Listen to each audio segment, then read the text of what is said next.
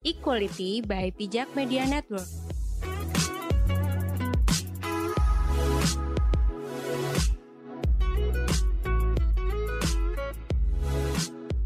Halo, selamat pagi, siang, dan malam. Kembali lagi bersama Dinda Safira dalam Equality Podcast.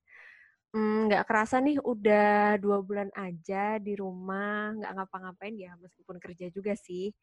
Dan sebagai pekerja, aku tuh ngerasa sedih banget sih karena sampai hari ini tuh udah hampir 2 juta orang di PHK dan dirumahkan. Ini menurut data dari Kementerian Ketenaga Kerjaan. Emang sih pandemi corona itu bakal ngaruh ke semua orang yang nggak peduli sih kamu itu kaya atau miskin. Pokoknya semua orang tuh kena dampaknya. Cuman yang menarik perhatianku itu adalah perempuan nih salah satu orang, salah satu kelompok yang paling paling rentan loh ketika terjadi pandemi, terutama pandemi corona saat ini. Nggak cuma dari segi ekonomi aja, tapi juga uh, karena di rumah aja nih mereka tuh lebih rentan jadi korban kekerasan dalam rumah tangga. Nah, di episode ke-22 kali ini aku ditemanin sama pembicara yang dia tuh udah sering banget masuk di Equality. Pasti udah denger deh suaranya kayak gimana tuh udah apal kalian.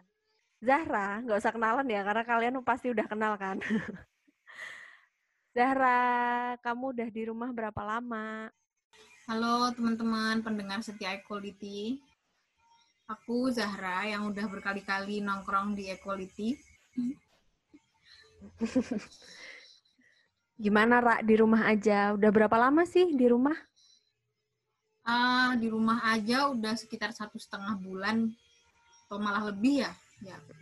Udah lama banget lah, pokoknya udah bosen. Sama. nah, selama di rumah nih, kamu ngerasanya kayak gimana tuh? Maksudnya selain bosen ya, ada hal-hal uh. yang bikin kamu ngerasa, kok aku gini banget sih hidupnya, misalnya kayak gitu nih? Uh, mungkin bo kalau bosan emang dirasain sama semua orang ya saat ini ya mbak nggak bisa melakukan aktivitas sebagaimana mestinya pasti bosan lah. Mm -hmm. Kalau aku lebih merasa nggak uh, ada pemisahan antara tempat istirahat sama tempat kerja gitu loh. Jadi bangun tidur liatnya mm -hmm. laptop terus habis itu kalau capek ya rebahan lagi udah gitu-gitu aja aktivitasnya. Sama sih, cuman kalau aku harus disiplin karena kalau nggak gitu ambiar. Tapi itu gimana ya selama di rumah aja tuh baca-baca berita gitu kan, Ra? Terutama soal banyaknya pekerja yang udah dirumahkan, unpaid leave, terus gajinya dipotong, bahkan sampai di PHK. Nah, yang menarik itu adalah aku pernah baca suatu artikel yang mengatakan bahwa sebenarnya buruh pabrik yang kebetulan didominasi oleh perempuan itu malah lebih rentan di PHK Hmm. Oh pernah tahu nggak fakta kayak gitu? Iya sih Mbak kemarin tuh banyak banget kan yang bahkan ribuan orang di PHK dari pabrik garment, pabrik mm -hmm. itu loh. Iya. Itu juga kebanyakan yang di shoot, entah yang di shoot kebanyakan perempuan atau emang lebih banyak beneran lebih banyak pekerjanya perempuan, tapi sih tahu emang uh, kayak yang bertugas di bagian apa ya bagian yang uh, kayak packaging terus pokoknya mm -hmm. bagian yang ngurusin benda yang diproduksinya itu emang kebanyakan perempuan. Jadi kalau misalnya PHK masalahnya kena ke mereka ya pasti yang kena mayoritas perempuan kayak gitu. Iya bahkan nggak cuman di pabrik aja nggak sih? Kayak di misalnya di beberapa kantor nih kan kebanyakan posisi-posisi yang nggak vital atau mungkin dalam tanda kutip yang nggak penting itu kan di dijabat sama perempuan nih. Misalnya hmm. aja misalnya kayak front office itu kan. Ya meskipun lowongan kerjanya juga kadang seksi sih kayak dibutuhkan front office perempuan ini nih segala macam gitu kan. Good looking. Tapi pada akhirnya mereka duluan loh yang akhirnya dirumahkan. Karena kan nggak mungkin nih kita ketemu orang di front office karena kan disuruh physical distancing kan yang ya, bener banget. Yang pertama kali kena ya pasti orang-orang yang seperti itu. Nah, menurut uh -uh. kamu fenomena ini terjadi karena apa sih? Ada hubungannya nggak sama perempuan tuh uh, digaji lebih rendah atau kayak gimana? Aku sempat baca berita yang dia nulis tentang pengalaman pekerja di Amerika ya Mbak.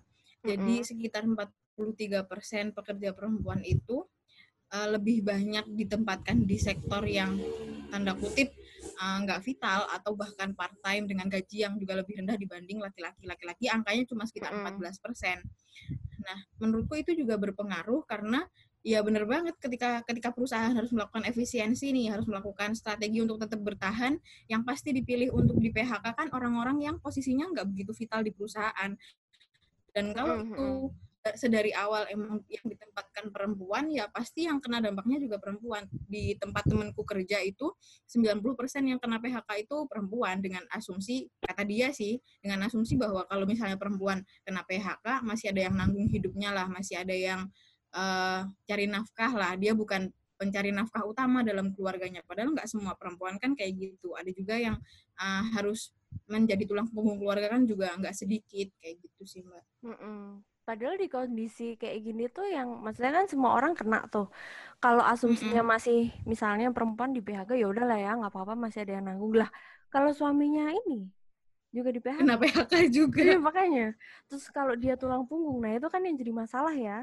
Iya benar. Aku kurang tahu sih ya kalau di industri yang aku jalan itu kayak gimana. Kayaknya sih uh, 11-12, maksudnya 50-50 gitu loh. Cuman mm -hmm. kalau kemarin baca-baca misalnya di industri apa sih yang kebanyakan buruh perempuan itu kan mereka yang lebih rentan ya. Iya. Kadang yeah. kalau masuk kerja aja itu ya tetap resiko kan. Mereka nggak dibekali mm -hmm. sama masker misalnya atau tempat buat cuci tangan atau segala macam kayak gitu. Nah, Hmm, kemarin tuh juga sempat ada berita soal buruh sampurna. Kamu tahu nggak? Iya tahu tahu. Nah itu pandanganmu tentang itu gimana?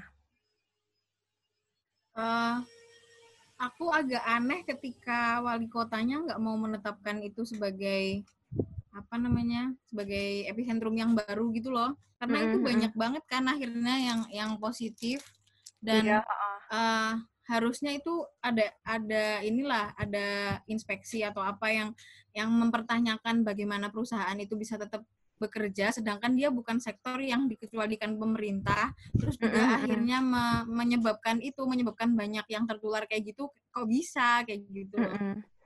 Iya benar. Apalagi kayaknya loh kalau nggak salah kalau di perusahaan rokok tuh kebanyakan perempuan juga nggak sih?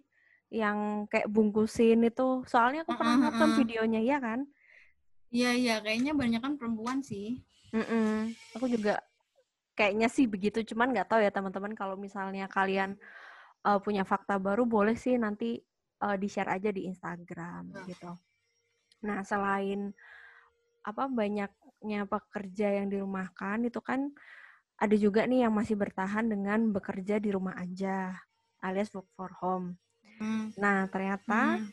kebijakan ini tuh juga malah memunculkan masalah baru. Yang pertama hmm. adalah uh, peningkatan kekerasan dalam rumah tangga. Hmm. Nah, kalau kamu sendiri melihat fenomena kayak gini tuh gimana, Ra? Uh, kalau dari lingkungan aku, aku udah lama banget sih mbak nggak mendengar orang-orang di sekelilingku yang mengalami ataupun melakukan KDRT. Tapi kalau mm -hmm. baca data nih ya mbak, mm -hmm. di itu LBH Apik Jakarta tuh udah sebulan ini tuh uh, laporan kekerasan ke mereka itu meningkat dan yang paling tinggi itu KDRT.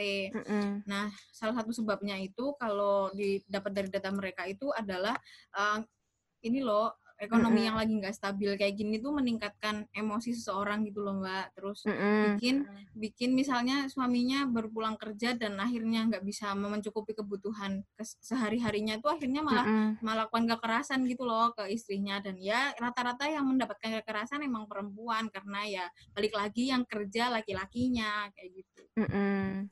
iya bener terus apalagi kan yang lagi-lagi kita mikirnya ini semua kena ya maksudnya mm-hmm semua orang kena tapi tetap hmm. aja yang paling rentan tuh perempuan karena aku sendiri uh. pernah baca so, uh, artikel tentang coronavirus itu jadi disaster buat feminisme karena yang pertama tuh ketika kebijakan work for home itu kan semua orang di rumah tuh uh. kan tapi yang mengurusi urusan rumah tuh ternyata lagi-lagi ya si perempuan ini doang Mm-mm. Kan kebanyakan pola pikir masyarakat tuh kayak yang kerja tuh ya si bapaknya, tapi ibunya mm. terserah dia mau kerja atau enggak, tapi urusan rumah tuh tetap urusan dia gitu kan. Bener banget, bener banget. Nah, ini tuh juga memunculkan uh, salah satu faktor kekerasan dalam rumah tangga. Karena kayak apa maksudnya udah dari tekanan emosional, psikologis gitu-gitu kan. Mm-hmm. Akhirnya karena nggak bisa melampiaskan itu maksudnya apa ya nggak bisa mengungkapkan itu di luar akhirnya mm-hmm. orang rumah kan yang kena iya bener banget Mm-mm. terus yang kedua Enggak. gimana uh, nggak selalu rumah tuh nggak selalu jadi tempat aman untuk perempuan gitu loh Mm-mm. kayak yang kayak kalau Mbak Flo nonton nggak itu drama yang yang lagi viral sekarang tuh loh drakor Oh iya, World of Married Couple. Aku belum nonton uh, sih. Itu kenapa? Uh, di situ tuh kelihatan banget kalau uh, di di lingkungan sehari-hari aja yang nggak lockdown nih si mm-hmm. perempuannya tuh tetap double burden gitu loh dia pulang kerja masih masak masih ini masih itu sedangkan suaminya nggak dituntut seperti itu mm-hmm. terus abis itu uh, selain itu juga di sana juga banyak cerita tentang bagaimana rumah tuh justru jadi tempat yang uh, rentan buat perempuan kalau dia punya pasangan yang uh, gimana ya istilahnya toxic relationship lah kayak gitu. Mm-hmm. Iya benar-benar. Iya itu dalam keluarga yang utuh ya, maksudnya ada ayah sama ibu sama mungkin anak gitu kan. Nah, mm -hmm. tapi yang ngenes, aduh aku gimana ya ngomongnya, maksudnya yang lebih memprihatinkan itu kan kalau perempuan tunggal nih. Mm -hmm. Entah dia nanti jadi tulang punggung atau memang uh, jadi single parent kayak gitu kan dia pasti akan kena imbas yang lebih berat kan ketimbang perempuan yang uh, berkeluarga secara utuh bener banget. Soalnya ya ya gimana ya Mbak, dia udah kerja sendirian ya kan. Nanti masih ngurusin rumah, yang anaknya sekolah di rumah lah, semua kebutuhan anaknya juga dia yang urus, kerjaan dia juga harus diurus itu loh. Iya Jadi benar. Dia melakukan peran pengasuhan dan juga sekaligus peran uh, produktifnya dia sebagai pekerja juga. Mm -mm. Kemarin kamu waktu kita ngobrol itu loh, kamu sempat mention soal apa namanya KDRT tapi yang gimana? Wait wait. aku lupa ya. bentar, bentar. oh ini sih kayak kalau dari aku tuh kan di kantorku tuh kan mostly tuh perempuan ya, bahkan kebanyakan tuh ibu-ibu muda. Nah jadi di situ tuh ada suatu grup yang isinya tuh ya ibu-ibu doang, yang maksudnya dia share soal info apalah yang berhubungan dengan ibu-ibu banget gitu loh. Nah, suatu ketika ada beberapa tuh yang kayak mungkin hanya sambat ya, tapi bukan sambat yang nggak bersyukur atau gimana ya guys, tapi ya wajar dong kalau capek kan pengen sambat gitu. Mereka bilang kayak aku tuh selama ini ke kantor tuh sebagai dalam tanda kutip pelarian. Maksudnya dia ke kantor itu sebagai me time untuk dirinya sendiri karena selama ini dia udah disibukkan mengurus rumah tangga, terutama mengurus hmm. anak nih, apalagi anaknya masih hmm. kecil kan. Hmm. Nah, ketika WFH dia tuh merasa stressful banget, dia merasa tertekan banget karena ya mungkin be bebannya tuh jadi berlipat-lipat ganda gitu loh di satu sisi aku ngerasa ya aku paham rasanya kayak gitu. Apalagi aku di rumah aja aku harus rajin apa ngerjain pekerjaan domestik kan. Mm-hmm. tapi di satu sisi aku tuh kayak mempertanyakan gitu loh ini suaminya bantuin nggak sih? Ini suaminya peka nggak sih? Kayak gitu loh. Nah kalau kamu memandang fenomena itu gimana Ra? Uh, pertama emang gimana ya Mbak kadang emang kerja tuh nggak melulu tentang orang cari duit sih ada juga yang kayak gitu ada yang nggak nyaman mm -hmm. di rumah akhirnya dia memilih kerja kan dan itu pasti tekanan banget sih ketika harus WFH kayak gini dia dia nggak mm -hmm. lagi punya tempat untuk memisahkan tempat istirahat sama tempat kerja gitu loh jadinya mm -hmm. ya di situ-situ aja kayak gitu apalagi ditambah dengan beban yang kayak gitu Uh, soal suaminya, aku nggak tahu juga sih mbak kondisinya kayak gimana. Tapi rata-rata nih ya, kalau udah kayak gitu, kalau udah kesehariannya udah kerja, abis itu masih ngurusin pekerjaan domestik sendirian, ya mau suaminya di rumah atau enggak kayaknya bakalan tetap kayak gitu deh mbak. Soalnya dianggap bahwa ya kerjaan domestik tuh urusan perempuan. Ya kalau kamu kamu mau kerja kamu mau jadi uh, perempuan yang berkarir ya resikonya ya harus kayak gitu gitu loh. Harus ngurusin pekerjaan domestik dan juga kerjaan kamu juga kayak gitu berarti emang gimana ya maksudnya selama pandemi ini tuh masalahnya tuh jadi berlipat-lipat gitu kan? Terutama buat perempuan iya. nih dari awal tuh dia udah apa udah di stigma bahwa ya mau gimana pun urusan rumah tangga tuh ya urusanmu ya kan? Uh, seolah-olah seolah-olah habitatnya perempuan tuh di ranah domestik. Kalau kamu mau iya. keluar ya itu resiko kamu gitu loh. Uh, uh, bener. Cuman ya meskipun ya meskipun beberapa orang tuh udah mulai sadar bahwa pekerjaan domestik tuh nggak melulu ranahnya perempuan tapi hmm. kerja bersama gitu cuman hmm. tetap aja pandemi ini tuh akan berefek lebih banyak ke perempuan. Iya. Yang bukan nggak mungkin mereka bakal terkena tekanan psikologis yang lebih berat gitu loh. Nah, dari tadi kan kita udah ngomongin banyak hal tuh soal peningkatan KDRT, terus kenapa perempuan jadi mm -hmm. rentan korban KDRT gitu kan. Nah, dari iya, sendiri ada saran nggak sih, Ra, buat teman-teman perempuan di luar sana yang mungkin kepengen ngeluh, kepengen sambat itu lapornya gimana? Iya. Uh, kalau saran dari aku sih, selama kita masih punya teman atau saudara atau keluarga dekat yang bisa kita percaya untuk bercerita, untuk berkeluh kesah, untuk uh, kalau misalnya kita ada apa-apa, kita bisa share ke mereka untuk cari bantuan, cari perlindungan uh, ke situ dulu. Tapi kalau misalnya uh, emang udah perlu banget, emang udah perlu untuk uh, lapor ke pihak yang berwenang, kita harus cari hotline yang uh, itu benar-benar bisa dipercaya, nggak asal-asalan dari influencer yang udah kamu cerita ke aku aja tanpa kita kenal siapa orangnya. Nah, aku sempat baca di uh, website di Asian Parents, dia itu nge-share video eh bukan video nge-share kontak-kontak atau hotline yang bisa kita hubungi kalau misalnya kita kena KDRT atau kekerasan berbasis gender yang lain. Nah, itu dia bikinnya per provinsi. Jadi kita bisa uh, menghubungi ke situ walaupun sebenarnya itu nggak terlalu efektif ya karena kita nggak tahu mereka bisa dihubunginnya jam kerja aja atau seperti apa. Aku juga belum nyoba. Tapi setidaknya kita punya pegangan kalau misalnya uh, butuh lapor butuh lapor tentang kekerasan yang menimpa diri kita kita harus ke mana seenggaknya hmm. kita punya uh, kontaknya kayak gitu itu bisa di save sih Mm-mm. itu di ini ya artikel The Asian Parents itu ya iya iya bener mbak mm-hmm. terus kayaknya kemarin tuh ini sih aku lihat yang dari LBH Jogja atau mana gitu jadi ada sebuah poster tuh isinya tuh buat teman-teman yang hmm? kena korban PHK atau ya pokoknya yang berhubungan sama tenaga kerja itu kalian bisa melapor ke situ. Hmm? Terus khusus buat teman-teman hmm? yang di Jogja itu juga ada sih kalau misalnya kalian pengen melapor, tapi ini lagi-lagi soal tenaga kerja ya. Lapor soal ketidakadilan hmm? yang kalian alami di tempat kerja, kalian bisa menghubungi Twitternya kalau nggak salah Buruh Yogyakarta. Nah itu di sana dia menyediakan uh, layanan pengaduan gratis. Nanti bakal dihubungin juga sama tim teman-teman pengacara dari LBH yang bersangkutan gitu. Nah, tapi kan uh, di masa sekarang kan mau nggak mau kita bisanya cuman pelaporan online kan, Ra?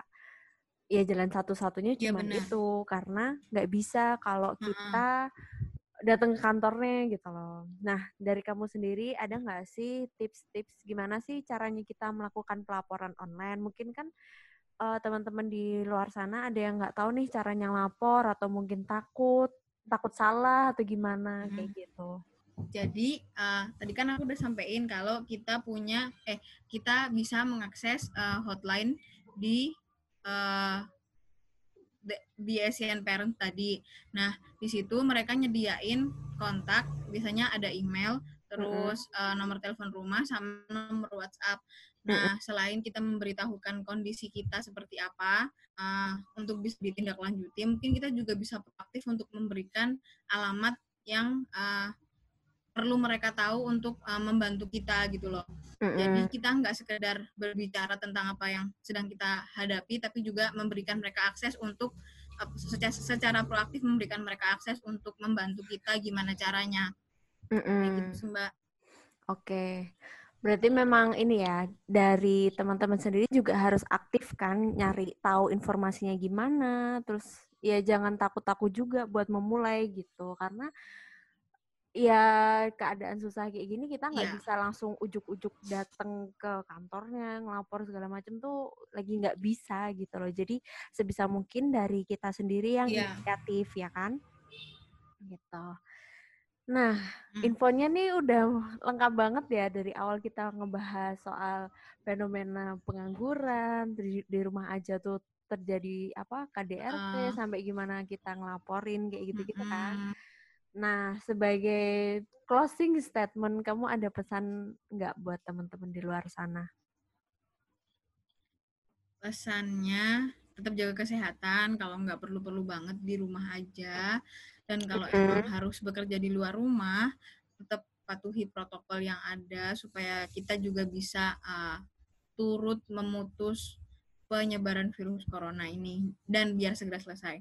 Terus buat ya. teman-teman yang mengalami kekerasan uh, jangan takut buat speak up, jangan takut untuk uh, bersuara karena uh -uh. di kondisi saat ini kita emang perlu banget saling support. Apa yang kita hadapi beda-beda, cuma kita harus tetap uh, memberikan uh, support kita ke lingkungan sekitar untuk tetap bertahan seenggaknya sampai pandemi ini selesai. Tetap semangat ya semuanya.